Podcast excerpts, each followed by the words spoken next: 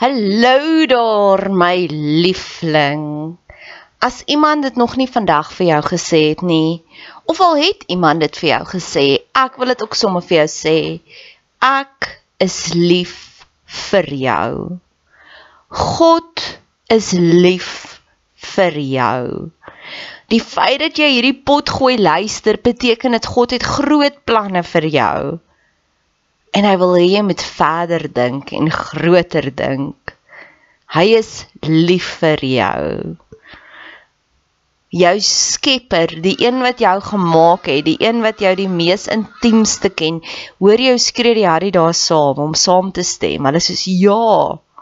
Hy is lief vir jou. As jy so 'n bietjie love deprived is, bid ek vir jou dat God oomblik tot oomblik vir jou wys hoe lief is hy vir jou. Dis hoekom al die van of al die briewe begin met soveel joy in die Bybel, nê? Nee? Gaan lees bietjie daardeur.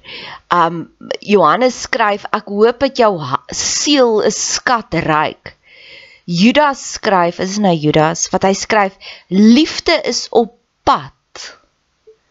En ek dink is ook Judas wat praat van mag alles binne in jou jubel van blydskap want God is so amazing. En weet jy hoekom skryf hulle dit? Want hulle het dit ervaar en dit is soos daai liedjie I can't keep keep it in I have to get it out. En dis my seëning vir jou. Al hierdie verhoogde emosies wat ek ervaar, mag jy dit ook ervaar want ek weet hoe voel dit om daaronder te wees en dood te wees binnekant maar ek weet ook hoe voel dit om te vlieg soos 'n arend. Mag jy dit vandag ervaar. Dankie dat jy tyd spandeer op my kanaal. Dankie dat jy jou kosbare tyd investeer. Maak kontak. Ek love dit om van julle te hoor. Niks gee vir my soveel joy soos om te sê 'n boodskap neem. Ek is op al die platforms, Instagram, Facebook. Stuur vir my 'n Facebook boodskap, Bet Seber en ek stuur sommer vir jou my selfoonnommer. Laastens, as jy wil betrokke raak, asseblief doen. Ek het altyd hulp nodig.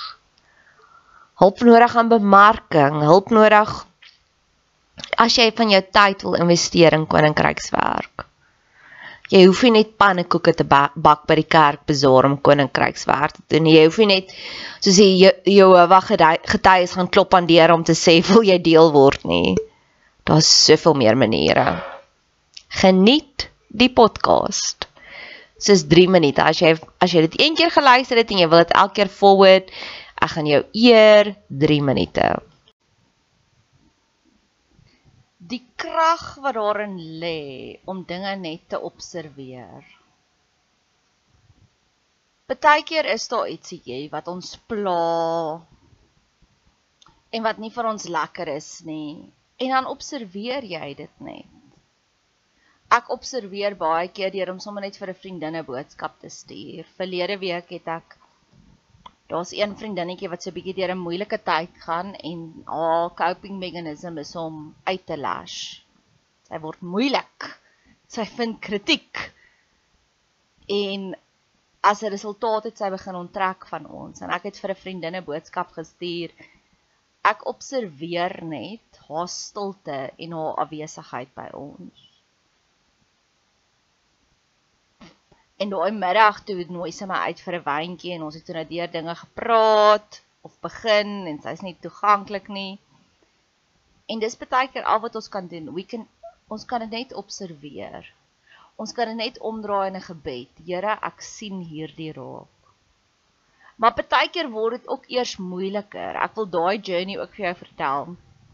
Ek het 'n paar jaar terug deur Jesaja gewerk en Jesaja is nogals dit is die eskatologiese visie van wat dit beteken om 'n gelowige te wees. Met ander woorde, dit is ons kyk na dit van die einde af. Dit is hoe dit moet voel as jy hemel op aarde skep. En Jesaja sal baie keer hy die mooiste metafore, hy's die mooiste digter wat hy baie keer geskryf het van 'n hemelse rus of 'n lekker rus. En toe ek daardeur begin werk het 'n paar jaar terug was my rus ewe skielik absoluut versteur, net soos wat dit nou ook is. Want dit word eers 'n bietjie moeiliker en dan kry jy die uiteinde. So ek wil jou uitnooi om die dinge wat vir jou moeilik en wat vir jou sleg is en wat vir jou ongemaklik is, observeer dit net.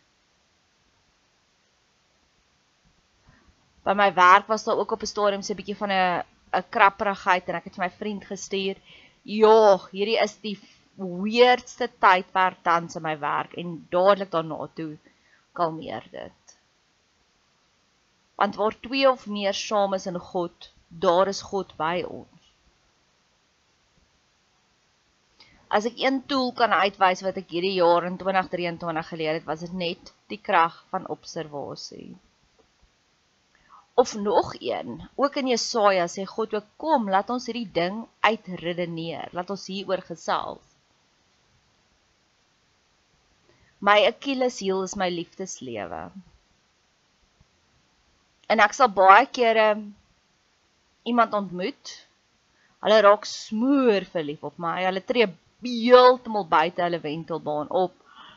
En dan raak dit net ewe skielik koud. En ek besef ook vanuit my ouer huis, my kinderhuis, omdat hulle my gemaak het toe hulle nog 18 jaar oud was, het ek 'n bietjie van 'n shame saamgedra van om regtig te fokus op my liefdeslewe ek glo in ander gesonde huishoudings wanneer 'n dogtertjie by die huis kom en sy sê mamma as ek's verlief het die mamma dit aangecheer. Maar aan my kant was dit soos jy moet nie meisnies te kry nie. Fokus net op jou studies. Liefde romanse was geshame want hulle het hulle eie projekte hulle eie issues geprojekteer op my. En met my twee broers die jonger broers het hulle heeltemal anders opgetree. Hulle het um liefdes en romanse geomhels. En as ek sê dit was erg, was dit rarig erg hoe hulle elke verhouding net ja, besoedel het. En nou op 40 jarige ouderdom vir die eerste keer ooit in my lewe gee ek vir myself ek's ongetroud die toestemming om te fokus op my liefdeslewe. So ek bid baie daaroor. En ek het ek het wel vir 'n geruime tyd wat ek met die Here worstel soos hoekom is dit so vreemd. So 2 weke terug het ek hierdie verskriklike verwaande idee gehad wat elke keer wanneer God op die toneel gekom het, by mense het hy vir hulle gesê moenie bang wees nie. En hierdie gedagte, hierdie idee het by my begin vlam vat van ja, daar's 'n vrees wat gekom het in die mans en dit is buite my wentelbaan, dis buite my sweer of influence. Ek kan nie manipuleer hoe kan iemand my gedagtes interpreteer nie. Maar wat ek wel kan doen is ek kan bid Here vir beskerming. Maak vir my aan die slaap indien die mans nog steeds deur daai vrees tydperk moet gaan. Soos Adam was aan die slaap. Ek het nou ek werk net deur al die emosies en daar is 'n emosie wat gekan is, wat geskryf is van die vrees van hoe mense jou interpreteer. Nou ek wil nie daai vrees hê nie. Ambiguophobia. Coined by the American novelist David Foster Wallace, feeling uncomfortable about leaving things open to inter interpretation. So ek wil nie ja, ek wil nie daai negatiewe energie in my lewe toelaat van ek is bang, gaan jy nou weer bang raak? Nee. En ek loop toe nou met hierdie verwaande idee van Here, ja, is die mans net bang. En dan en ek het gister 'n podcast geluister wat sy ook sê is sê die dinge hardop. So dis hoekom ek ook besef het hoekom ek so 'n geseënde lewe het want ek maak podcast. Ek het in hierdie jaar alleen 4400 ure se podcast gemaak. Is nou ure of minute? Ek dink eintlik is minute want ek was toe nou so, "O, oh, ek's amper by my 10000 ure reël. Kom ons kyk dit gaga."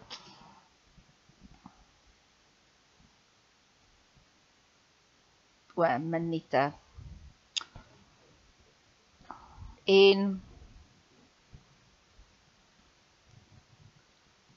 Maar daar's baie keer goeders wat nog unprocessed is. So dan sal ek net soos hardop sê, Here, Ek verstaan nie hierdie nie. Help my hiermee. So ek het dit gister nog as baie aktief gedoen. En daar het hierdie hierdie flashbacks het by my kom kuier. Daar was hierdie een man op wie ek smoor verlief was. En hy het lank na my gechase, uitsonderlik. Ons bly by die dam en hy bly in die landgoed net oorkant ons en dan sal hy vir my sê ek bring my boot en ek kom tel jou by jou jetty op. Kom ons gaan vir sundowners. En as sê nee, dankie, nee, dankie. En hy het omtrent vir 'n jaar lank na my gechase. En dis wat baie mense ook vir my sal sê is Nare, jy maak dit te maklik. Dan sê ek as julle weet nie hoe moeilik maak ek dit eintlik nie. En eventually toe het ek hom toe nou 'n kansie gegee. En ek het smoor verlief geraak op hom. En ek kan onthou die die daar was dit die oomblik van ag ons het soveel van gehad en die skepping het saam gespeel en ons het 'n kameelperd gehad wat letterlik chips uit my hand uit geëet het. Dit was amazing. En ons was een keer op pad na 'n partytjie toe en hy het vir my gesê ek weet nie wat doen ek met jou nie ek is nie op jou vlak nie. En ek is soos, waarvan praat jy? Jy het 3. Ek kan nog onthou, die gesprek was jy het 3 pragtige dogters. En dis vir die mans baie min kere en ek ek is nou baie meer verbaal daaroor. Onthou net ek doen baie meer dinge want ek het nie kinders nie. Ek het nie 'n legacy wat ek daar gaan nalat nie. En hy het vir my gesê man, daai 3 dogters was net saadskiet. Dis al wat dit was. En ek het dit nie toe geïnterpreteer nie. En verlede jaar was ek ook in 'n ander verhouding en ek was ook mal oor die man en ek het so opgekyk na hom. En ek kan onthou hy het ook vir my die gesprek gehad, ek weet nie wat doen ek met jou nie. En sy sy redenasie was jy het 'n TikTok kanaal. Ek sê is jy geïntimideer deur my TikTok kanaal? En ek het as 'n resultaat daarna toe daai verhouding uitgewerk nie, het ek spesifiek gekyk na iemand wat 'n TikTok kanaal het en wat meer followers het as ek. Dog ek wel dit is nou maar wat hulle bang maak. Of my laaste een was hierdie jaar se. Nou hierdie jaar se, dit was 'n intense enetjie. Ek het hierdie joernalis ontmoet wat 'n massive following het.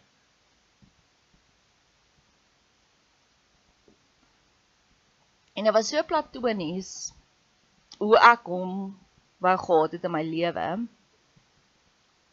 En die heel eerste gesprek was 'n 5 ure in diepte verhoudingsgesprek en ek het gefloreer op dit. En kort daarna het hy die eerste flirty boodskap gestuur en voordat ek weer my oë kon uitvee was ons verseker in 'n emosionele verhouding.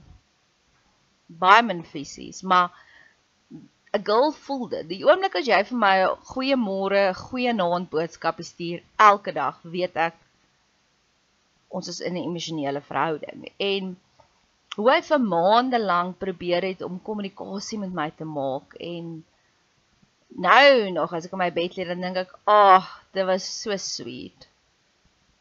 Ek kan onthou het een keer het hy ek kan nie onthou waar toe het hy gery nie en toe maak hy vir my hierdie video hoe hy kliphard sing saam en hy het 'n mooi stem en ek het 'n ding vir 'n mooi stem en vir 'n man wat mooi kan sing of vir 'n vrou um van the silver tongue devil and I en ek het daar geloop op 'n wolkie by my praktyk gedink oh my word hierdie man is die heel eerste man wat my so outklaas in wysheid en hoe hy na die lewe kyk en hy het nog steeds tyd om vir my silver tongue devil and I boodskapies te stuur, liedjies te sing. En ons het nog so twee keer ontmoet en hy het uh, uit 'n groot vrees vir die publieke image en ek's baie jonger as hy, so dit was 'n worsteling van hom. En met die laaste kuier was daar 'n baie publieke soen en ek het nogal gedink, vir iemand wat so bang is vir 'n publieke reputasie, wow. En daarna het hy heeltemal onttrek. Emosioneel, fisies. Hy het so twee of drie keer het hy gesê kom ons ontmoet vir koffie en dan sê ek soos ek's reg, kom ons doen dit en dan nee, sorry, hy's te besig of wat ook al. En ek het 'n ander vriend ook gehad wat vir my gesê het hy, hy het ook eendag vir my baie publieke soen gegee en toe sê vir my as ek kon, sou ek daar dit baie meer vinniger verder gevat het. So dis amper asof ek weet, o, okay, dis wat hierdie mans nou dink. Maar hy duidelik die joernalis het duidelik bang geraak want hy het besef hy kan nie by sy eie reëls bly by my nie. En gisteraand nou loop ek net die hele tyd as ek sê Norie dis so verwaand. Hoe kan jy dit dink? En ek sê ek soek net bevestigings, bevestigings. En gisteraand kyk ek baie toevallig 2 weeks notice. Die film van Sandra Bullock en Hugh Grant en daar aan die einde sê hy vir haar: "Jy maak Gandhi soos 'n tweedehandse seils kar seils persoon dink." Niemand wil by 'n saint wees nie, sê hy. En nie dat ek sê ek is 'n saint nie. Inteendeel, daai fliek wys dit so goed uit dat ja, sy doen die regte dinge want dit is in haar hart geplant.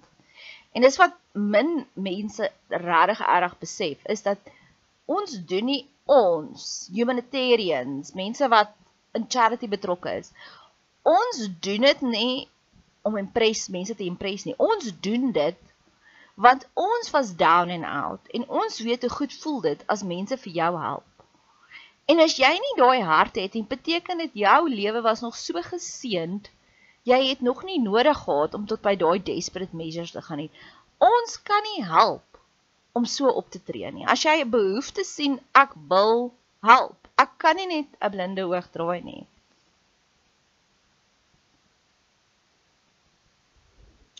En in daai film ook wys dit ook soos hy sien haar as hierdie saint en sy doen nooit enigiets verkeerd nie.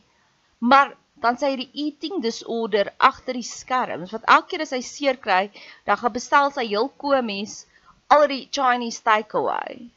So ons die kyker weet sy is nie so perfek nie, weet sy ervaar ook al die spektrum van emosies wat gewone mense ervaar. En sy betaal ook die prys daarvoor en sy kry ook pak slaag daarvoor.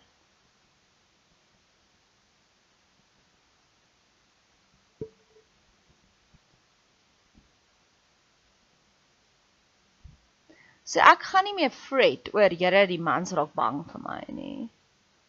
Want daai is 'n baie toksiese plek. Ek het 2 jaar terug het ek 'n verhouding beëindig omdat die persoon iets so bietjie hy kon nie in 'n monogamous verhouding wees nie en ek is heeltemal gemaklik daarmee as jy dit nie kan doen nie. Maar moenie my reputasie skaar aan doen nie. En ek het die verhouding beëindig want ek het hom gesê vir my om te loop en te stres oor wie soen jy nou in die agtergrond is te veel no toksiese energie. Ek wil nie I did not sign up for that. En dis dieselfde wat ek ook nou wil sê is Here, ek wil nie stres oor wanneer gaan iemand nou weer bang raak en onttrek nie.